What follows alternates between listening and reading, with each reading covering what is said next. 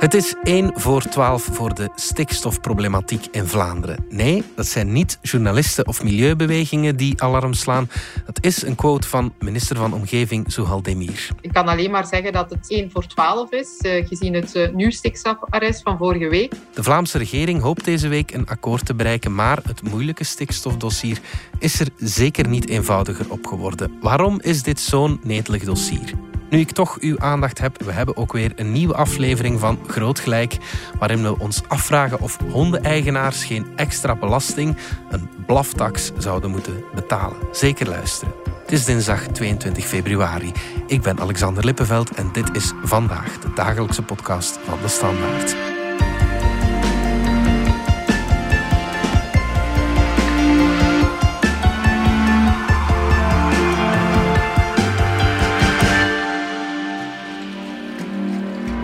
Ine Renson, jij bijt je al een tijdje stevig vast in het stikstofdossier. Ik haal even een quote uit een van je recente artikels. We moeten ons levenswerk opgeven voor wat stomme plantjes. Dat is een citaat dat je optekende in het zuiden van West-Vlaanderen in Geluwe bij een kalkoenkweker. Dat vat het zeker goed samen, want eh, zo'n groot landbouwbedrijf is effectief een uh, levenswerk vaak in dit geval. Die jonge man, 28, heeft die kalkoenenstal overgenomen van zijn vader, uh, ook een landbouwer. En die mens heeft ja, voor miljoenen leningen, effectief miljoenen leningen lopen, uh, heeft hij in die stallen gestoken, heeft vrij recent nog een grote uitbreiding gekregen mm-hmm. voor zijn kwekerij en blijkt dan ja, meer dan 38 ton ammoniak uit te stoten. Uh, op enkele kilometers van een natuurgebied. Ja. Hoeveel is dat, 38 ton ammoniak? Want dat is iets uh, abstract natuurlijk. Hè? Ja, 38 ja. ton is, is heel veel. Dus ja. die kalkoenenkwekerij is, heeft de grootste ammoniakuitstoot van alle veehouderijen in Vlaanderen. Okay, ja. Dus hij trekt de kop. Um, maar vanaf 10 ton beschouwt Europa de uitstoot van ammoniak als industriële vervuiling. Ja, okay. Dus stallen die meer dan 10 ton uitstoten, zou je eigenlijk kunnen vergelijken met gewone fabrieken. Ja. En die man heeft heel veel kalkoenen, omdat hij ja, duizenden, tienduizenden dieren nodig heeft om te kunnen overleven. Mm-hmm. Want hij zit natuurlijk in, in die race naar de bodem. Hè. Goed, vlees dat uh, aan bodemprijzen wordt verkocht. Ja, inderdaad. Misschien moet je even uitleggen wat het probleem met stikstof juist is. Ja, want stikstof, voor alle duidelijkheid, is op zich niet gevaarlijk. Hè. Wij ademen stikstof Ja. continu. Stikstof zit overal om ons heen. 78% van de lucht om ons heen bestaat uit stikstof. Hè. Ja. Dat is dus helemaal geen probleem. Het is ook een natuurlijke meststof. Hè. We hebben stikstof nodig. Planten hebben stikstof nodig om te kunnen groeien. Ja. Het probleem zit in reactieve stikstofverbindingen. Dat wil zeggen, als stikstof zich, zich gaat binden met, met een ander element, bijvoorbeeld met zuurstof, en dan krijg je NOx, NOx. Dus één vorm van stikstof is NOx, die ontstaat door verbranding um, in het verkeer, hè, in motoren, Ja. of in industrie, of in verwarmingstoestellen. Mhm. En daarnaast heb je een andere vorm van reactieve stikstof, is ammoniak. Stikstof die zich bindt met waterstof. En die komt dan voornamelijk uit de mest van dieren. Ah ja, dus het landbouwprobleem, als het over stikstof gaat, gaat eigenlijk over ammoniak. En het ding is, als we van die reactieve stikstof te veel krijgen, dan komen we in de problemen. Mhm. Want die is, zowel NOx als ammoniak zijn schadelijk voor de mens. NOx leidt, leidt sorry, rechtstreeks tot gezondheidsproblemen. Typisch is astma, Ja. luchtweginfecties, eh, maar ook hart- en vaatziektes, um, dementie bijvoorbeeld, longkanker. Dat zijn dingen die stilaan ook aan die. NOx worden gelinkt. En ammoniak dan is in secundaire vorm verantwoordelijk voor fijnstof. Die speelt eigenlijk een sleutelrol in de vorming van fijnstof. Dus is ook gevaarlijk voor de mens. Daarnaast, en daarover gaat de hele kwestie met het stikstofprobleem in Vlaanderen vooral, Mhm. is dat het ook schadelijk is voor de natuur. Eigenlijk is het zo, dus ik zei het al, stikstof is een meststof. Hè. Planten hebben die nodig. Maar planten die goed om kunnen met stikstof, die daar veel van nodig hebben, die gaan dan de zwakkere planten eh, verdringen. Die Dus- gaan woekeren. ja, Ja, ja, ja, stikstofminnende planten zijn bijvoorbeeld netels en bramen. Maar het probleem is dus dat eigenlijk de kwetsbare planten die een lagere drempel hebben van hoeveel stikstof zij nodig hebben en aankunnen, die worden overwoekerd. Mhm. Ja. Die gaan kapot door verzuring en vermesting van de bodem door die stikstof. Mhm. Het komt er eigenlijk op neer dat hele ecosystemen instorten. Ja. Dat, dat is echt een domino-effect, een cascadesysteem, waardoor dat uiteindelijk de ecosystemen waar wij als mens maar waar ook de dieren van afhankelijk zijn, verdwijnen. Ja. Dus het is echt wel belangrijk. Ja, dat wordt ook mooi geïllustreerd in een reportage van regiozender ATV. De stille Kempen op de purperen hei zong Louis Neefs vroeger uit volle borst. Maar die typische kleur verdwijnt steeds meer omwille van het teveel aan stikstof in het uitgestrekte natuurgebied. De struiken op de heide worden overwoekerd door droog gras, het zogenaamde pijpenstrootje. Bij een uh, overschrijding van die drempelwaarde, zoals dat dan genoemd, uh, ja, kunnen bepaalde insectensoorten in de bodem ook niet meer overleven. Dat betekent ook dat er bepaalde vogelsoorten minder tot broeden komen, want die hebben ook minder eten. Dus heel dat ecosysteem is eigenlijk afhankelijk van hoeveel stikstof en hoeveel uh, ja, stikstofneerslag er op die bodem terechtkomt. Staan we in Vlaanderen dan zo slecht voor, Ine? Ja, we staan er echt slecht voor. Vlaanderen is samen met Nederland een van de stikstof-hotspots in Europa, zelfs van de wereld, kan je zeggen. Okay. We hebben een heel dicht wegennet, we hebben veel industrieclusters en ook steeds grotere veestallen die overal in Vlaanderen gebouwd zijn. Mhm. En het gevolg is eigenlijk dat 80% van onze beschermde natuurgebieden, de zogenaamde Natura 2000-gebieden, Oké. nu eigenlijk kreunen onder te veel stikstof. Dus ze gaan langzaam kapot. Ja. Terwijl de Europese habitatrichtlijn, die eh, de bescherming van die gebieden regelt, ons verplicht om die natuur in goede staat van instandhouding te houden. Ja. Nu, even wat cijfers er misschien bij. Wij produceren 73.000 ton reactief stikstof per jaar. Oké. Waarvan 30.000 in Vlaanderen effectief neervalt. Ah ja. En de rest voeren wij uit naar het buitenland. Buitenland is ook Brussel en Wallonië dan, hè, maar Ja. ook Nederland, Frankrijk. Dus wij moeten daar ook niet trots op zijn. Wij zijn een netto-exporteur van stikstof. We dragen dus bij tot het probleem elders. Ja. Omgekeerd komt de helft van wat bij ons neervalt uit het buitenland. Ja. Dus inderdaad niet enkel door veehouderij, ook verkeer en industrie draagt daaraan bij. Maar belangrijk om te weten is dat twee derde van de stikstof die hier in Vlaanderen neervalt, wel degelijk afkomstig is van de veeteelt. Ja. En dat moet je zo begrijpen. Dus ammoniak, hè, ik zei al, dus uit de veeteelt komt vooral die ammoniak, valt sneller neer dan NOx, dan stikstofoxide. Dus een groot deel van die ammoniak valt al neer binnen de eerste kilometers. Hè. En ook deel reist ook door tot in Frankrijk, maar een deel valt hier neer. Wetende ook dat stallen vaak, ja, landbouwgebied dat dat vaak ook dicht bij natuur is. Dus die, Ja. die stikstof die daar rond die bedrijven neervalt, dat is dan al vaak dichter bij natuur. Dat is eigenlijk de reden waarom die veeteelt zo'n groot aandeel heeft in het probleem. En dan is er nog iets. In het verkeer en de industrie wordt het probleem stilaan opgelost. Terwijl van de veehouderij is de uitstoot van ammoniak al tien jaar niet meer gedaald. We monitoren nu onze stikstofuitstoot toch. Hebben we het dan niet ja, ergens onder controle? Eh, nee, helaas niet echt. Het onderzoek dat ik heb gevoerd nu, eh Stikstofgate, heeft aangetoond dat we eigenlijk niet echt weten hoeveel stikstof die grote veehouderijen nu juist uitstoten. Ik heb kunnen vaststellen dat de officiële cijfers niet rijmen met wat in de vergunningen stond. Dus ik heb 53 grote industriële vervuilers bekeken. Dat zijn eigenlijk bedrijven die in het Europese register voor industriële vervuiling staan. Ja. Dan heb ik, ben ik eens nagegaan, ja, wie zijn die bedrijven eh, die in dat register staan? Wie is daarachter? Wat staat in die vergunningen? En die officiële cijfers trouwens, die komen van de mestbankaangiftes van de boeren zelf. Dus het is wat zij zelf aangeven, Ja. hoeveel dieren zij hebben en welk soort stallen. En zo heb ik vastgesteld dat in 60% van de gevallen de ammoniakuitstoot in dat register, dus officieel aangegeven vervuiling zeg maar, van die bedrijven, vaak eh, ja, meer, vaak veel meer is dan wat oorspronkelijk in de vergunning was vooropgesteld. Ja. Bij alle overheden die ik daar, waar ik mijn licht op stak en ik met die cijfers confronteerde, was men heel verbaasd. Hè. Iedereen viel zo'n beetje van zijn stoel van dit kan eigenlijk niet. Ja. Eh, niemand heeft ooit de moeite gedaan ook om die officiële cijfers met die vergunningen te vergelijken. En hoe komt het nu dat die, dat die cijfers niet kloppen? Voor zover ik ben kunnen nagaan, hè, je moet even kijken naar hoe wordt dat berekend. Zowel bij de vergunning als bij de berekening van de officiële uitstoot, dus in dat register, zeg maar, wordt er een formule gebruikt. Hè. Men neemt zoveel dieren in zo'n soort type stal. En dan komen daar nog wel Ja. wat dingen bij, maar in hoofdlijnen is het dat. En die stal, dan wordt dan rekening gehouden met welk soort reductiesysteem van ammoniak daarop zit. Een luchtwasser bijvoorbeeld. Ja. Een luchtwasser op een varkenstal die de mm, ammoniakuitstoot van die stal met 75% kan verminderen. Ja. Dat wordt meegerekend in die formule. Hè?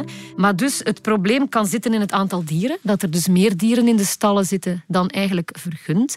Het kan ook liggen aan het feit dat de boer het systeem dat hij moest installeren en wat opgelegd was in de vergunning nog niet heeft geïnstalleerd. Of hij heeft iets anders gedaan. Dat is een van de dingen wat gebeurt. Wat, wat ik ook heb vastgesteld, soms geeft de boer zelf foute cijfers door aan de mestbank en klopt het officiële cijfer dan waarschijnlijk niet. Of, ook vastgesteld, dat de provincie bij de vergunning met foute cijfers had gewerkt. Ja. Dat die dus een onderschatting waren van de realiteit. Dus het ligt een beetje aan van alles. Het zal hoogstwaarschijnlijk een combinatie van al die dingen zijn.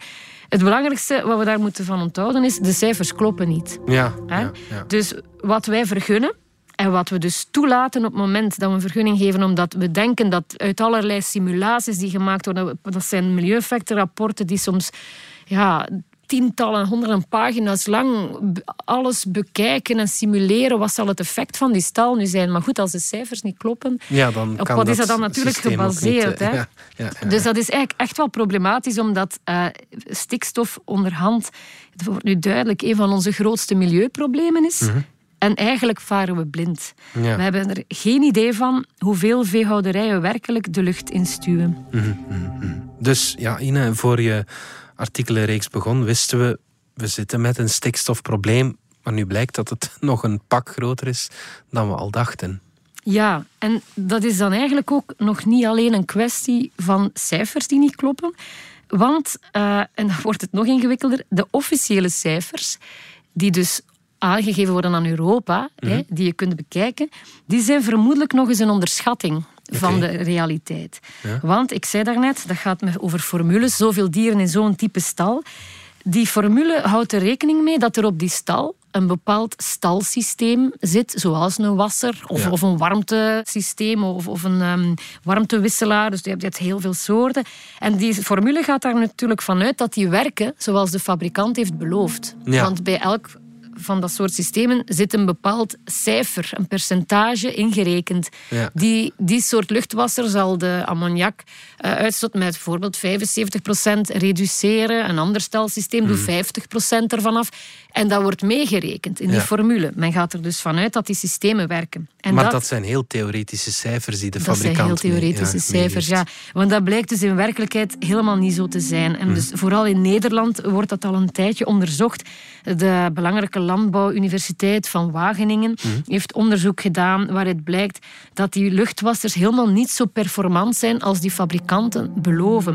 Mhm. Ja, dat is een beetje zoals met dieselwagens destijds. Hè. Ja. Een stal is geen labo. In Mhm. een proefopstelling kunnen ze het allemaal zo regelen dat die, die systemen perfect werken. Mhm. Maar in de realiteit, en ik heb dat ook aan verschillende landbouwers gevraagd, is dat niet zo. Alles moet perfect kloppen. Dat stalmanagement van die boeren moet echt perfect volgens het boekje zijn om die, die systemen te laten doen wat de fabrikant had vooruitgespiegeld.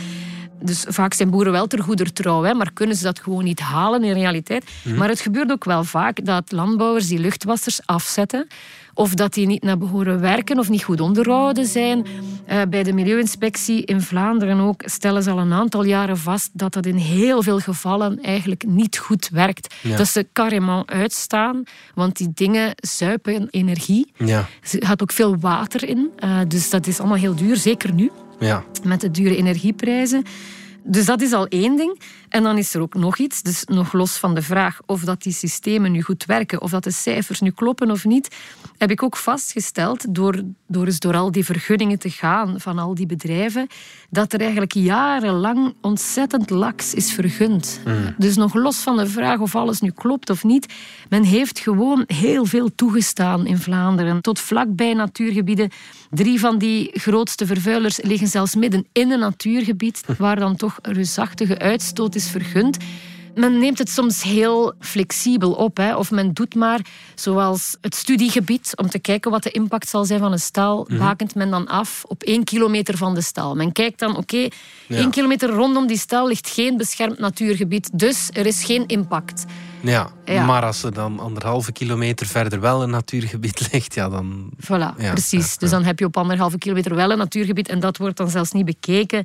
Vaak ehm, komen mensen toch weg met forse uitstoot zonder technieken, omdat het economisch niet rendabel was. Dat is een argument dat vaak wordt gebruikt. Ben ik heel veel tegengekomen, dat men dan daar toch vrij veel clementie voor heeft, inderdaad. Hè. Dat men zegt, oké, dit boerenbedrijf kan die systemen installeren, dus we zullen het maar zo vergunnen dat de cijfers niet kloppen, dat tussen vergunningsrondes van één bedrijf in cijfers soms vreemde, onverklaarbare bokkensprongen maken. Hmm. Dus hoe langer hoe meer kun je toch ook afvragen van ja, al die berekeningen, al die simulaties die gedaan worden, op basis waarvan al die adviesinstanties dan beslissen van de Vlaamse overheid, van de provincies, gaan we die stal nu vergunnen of niet? Ja, je kunt je afvragen op wat is dat allemaal gebaseerd? Wat is dat allemaal waard als die, die parameters vaak niet kloppen? En dus op die manier, dat is eigenlijk de baseline, zijn er gigantische hoeveelheden uitstoot van ammoniak vergund de voorbije twintig jaar, maar zelfs tot vrij recent die eigenlijk volgens het Europese milieubeschermingsrecht nooit vergund hadden mogen worden.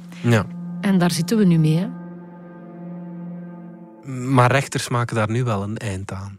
Wat de rechter eigenlijk bij ons uh, gedaan heeft, is ons stikstofkader, ons regelgevend kader, onderuit schieten. Mhm. Dat zijn dus de beruchte stikstofarresten. Wij hebben eigenlijk, zoals Nederland ook, was Vlaanderen begonnen aan een zogenaamd PAS. Een PAS, dat is het, de programmatische aanpak stikstof. Um, een moeilijke titel om mhm. eigenlijk te zeggen een soort boekhoudsysteem dat zegt hoeveel ruimte er nog is om te vervuilen. Mm.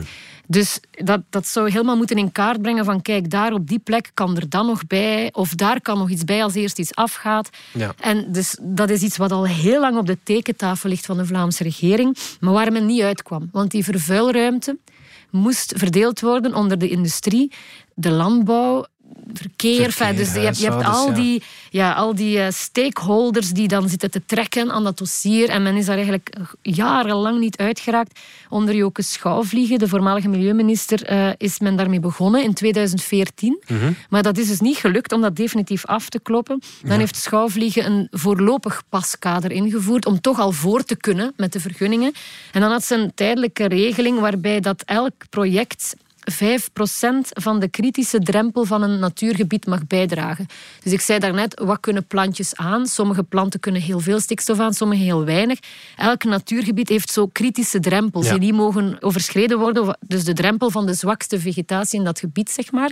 En dan zei men, elke grote stal bijvoorbeeld mag 5% van die kritische drempel bijdragen. Dat lijkt mij redelijk veel, 5%.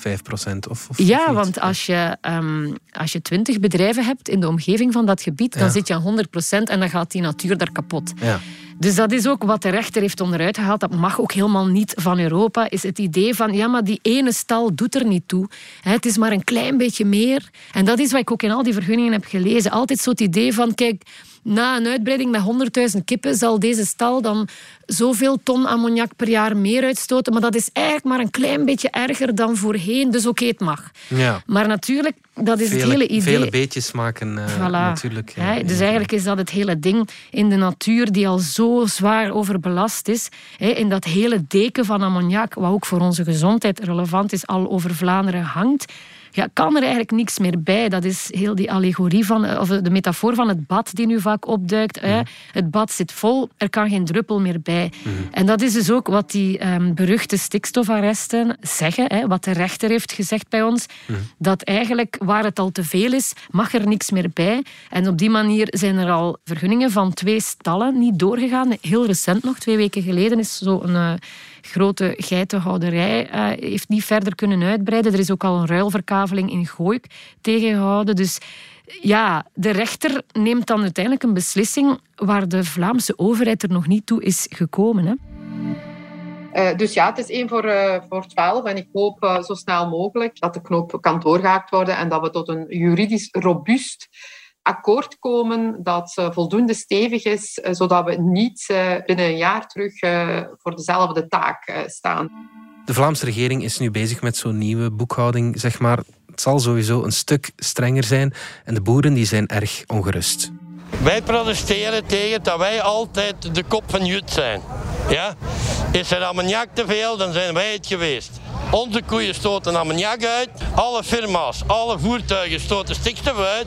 Het is alleen de landbouw die moet verminderen. We hebben uh, 130 beesten, uh, koeienbeesten. Hè? En wij hebben een nieuwe milieuvergunning moeten aanvragen, een omgevingsvergunning.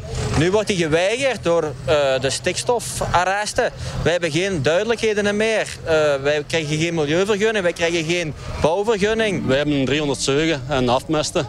En het probleem van die stikstof, ja, het lijkt erop alsof ze gewoon ons willen wegpesten. Het, het heeft zelfs niks met het milieu te maken volgens mij. Het is gewoon, het trekt nergens meer op. Ja, is dat terecht, Ine? Gaan veehouderijen moeten sluiten? Of zal de technologie redding brengen? De regering heeft lang gehoopt en hoopt dat misschien nog steeds dat dat zo zou zijn. Hè, dat we dit probleem kunnen oplossen met technologie. Mhm. Want dan hoef je die moeilijke keuze niet te maken. Hè. Je zet systemen, luchtwassers op die stallen en het is opgelost. Maar ja, dat blijkt hoe langer hoe meer dat dat echt een illusie is. Dat we er met technologie alleen niet zullen geraken van wat uitlekt uit dat definitieve pas uh, blijkt toch ook dat men heel hard weer op die technologie wil inzetten. Mhm. Het gevolg is ook dat kost heel veel geld, dat je op die manier ook alleen grote bedrijven zult overhouden, dat de kleinere er helaas, de kleinere, naar een soort kleinschaligere landbouw, ingebed in het landschap, waar men eigenlijk ook wel naartoe wil en naartoe moet van Europa. Korte voor keten, die Ja, voilà, ja. Uh, biologische landbouw ook, ja, dat die daar dan ook nog eens de dupe van zijn, want die, ja, dat zijn bedrijven die die grote bedragen niet hebben. Dus als je puur op technologie inzet, ga je ook die schaalvergroting verder in de hand werken. Mhm. En plus, het is een illusie. Met die technologie breng je het paard van Troje binnen. Want als die dan uiteindelijk niet blijkt te werken, heb je daar al die dieren die ook nog eens zoveel mest produceren, waarvoor we zoveel soja moeten invoeren uit Brazilië. Dus je moet ook het bredere plaatje zien natuurlijk.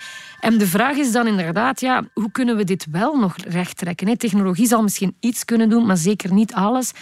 De ongemakkelijke waarheid is dat we veel te ver over de limieten zijn gegaan dat de stop nu uit het bad moet. En wat is dat dan? Wat kun je dan echt gaan doen? Ja, experts zeggen, ja, dan rest er niet anders dan bedrijven sluiten.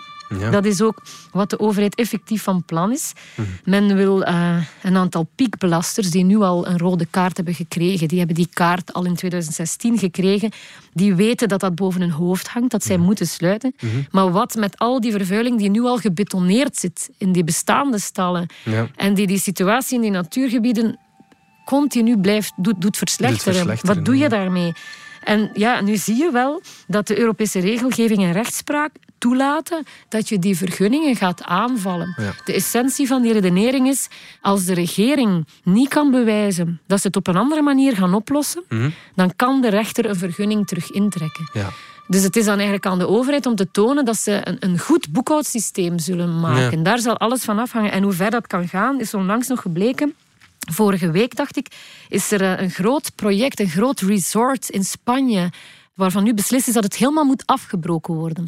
Omdat het midden in een beschermd natuurgebied ligt. Ja. Dus die implicaties kunnen heel ver gaan. En dan kun je natuurlijk afvragen, ja, wat hebben we hier eigenlijk gedaan al die jaren? Hè? Dat is mhm. toch moedwillige blindheid geweest, schuldig verzuim ook, kan je zeggen, van de overheid, die altijd heel hard, vergunninggevende instanties ook, dus de provincies, heel hard ervan uitgegaan zijn dat dat allemaal maar moest kunnen. Mhm. Dat die landbouwers nu eenmaal van vader op zoon een bedrijf hebben geërfd, dat onze economische logica nu eenmaal zegt dat je veel dieren moet hebben om te kunnen overleven.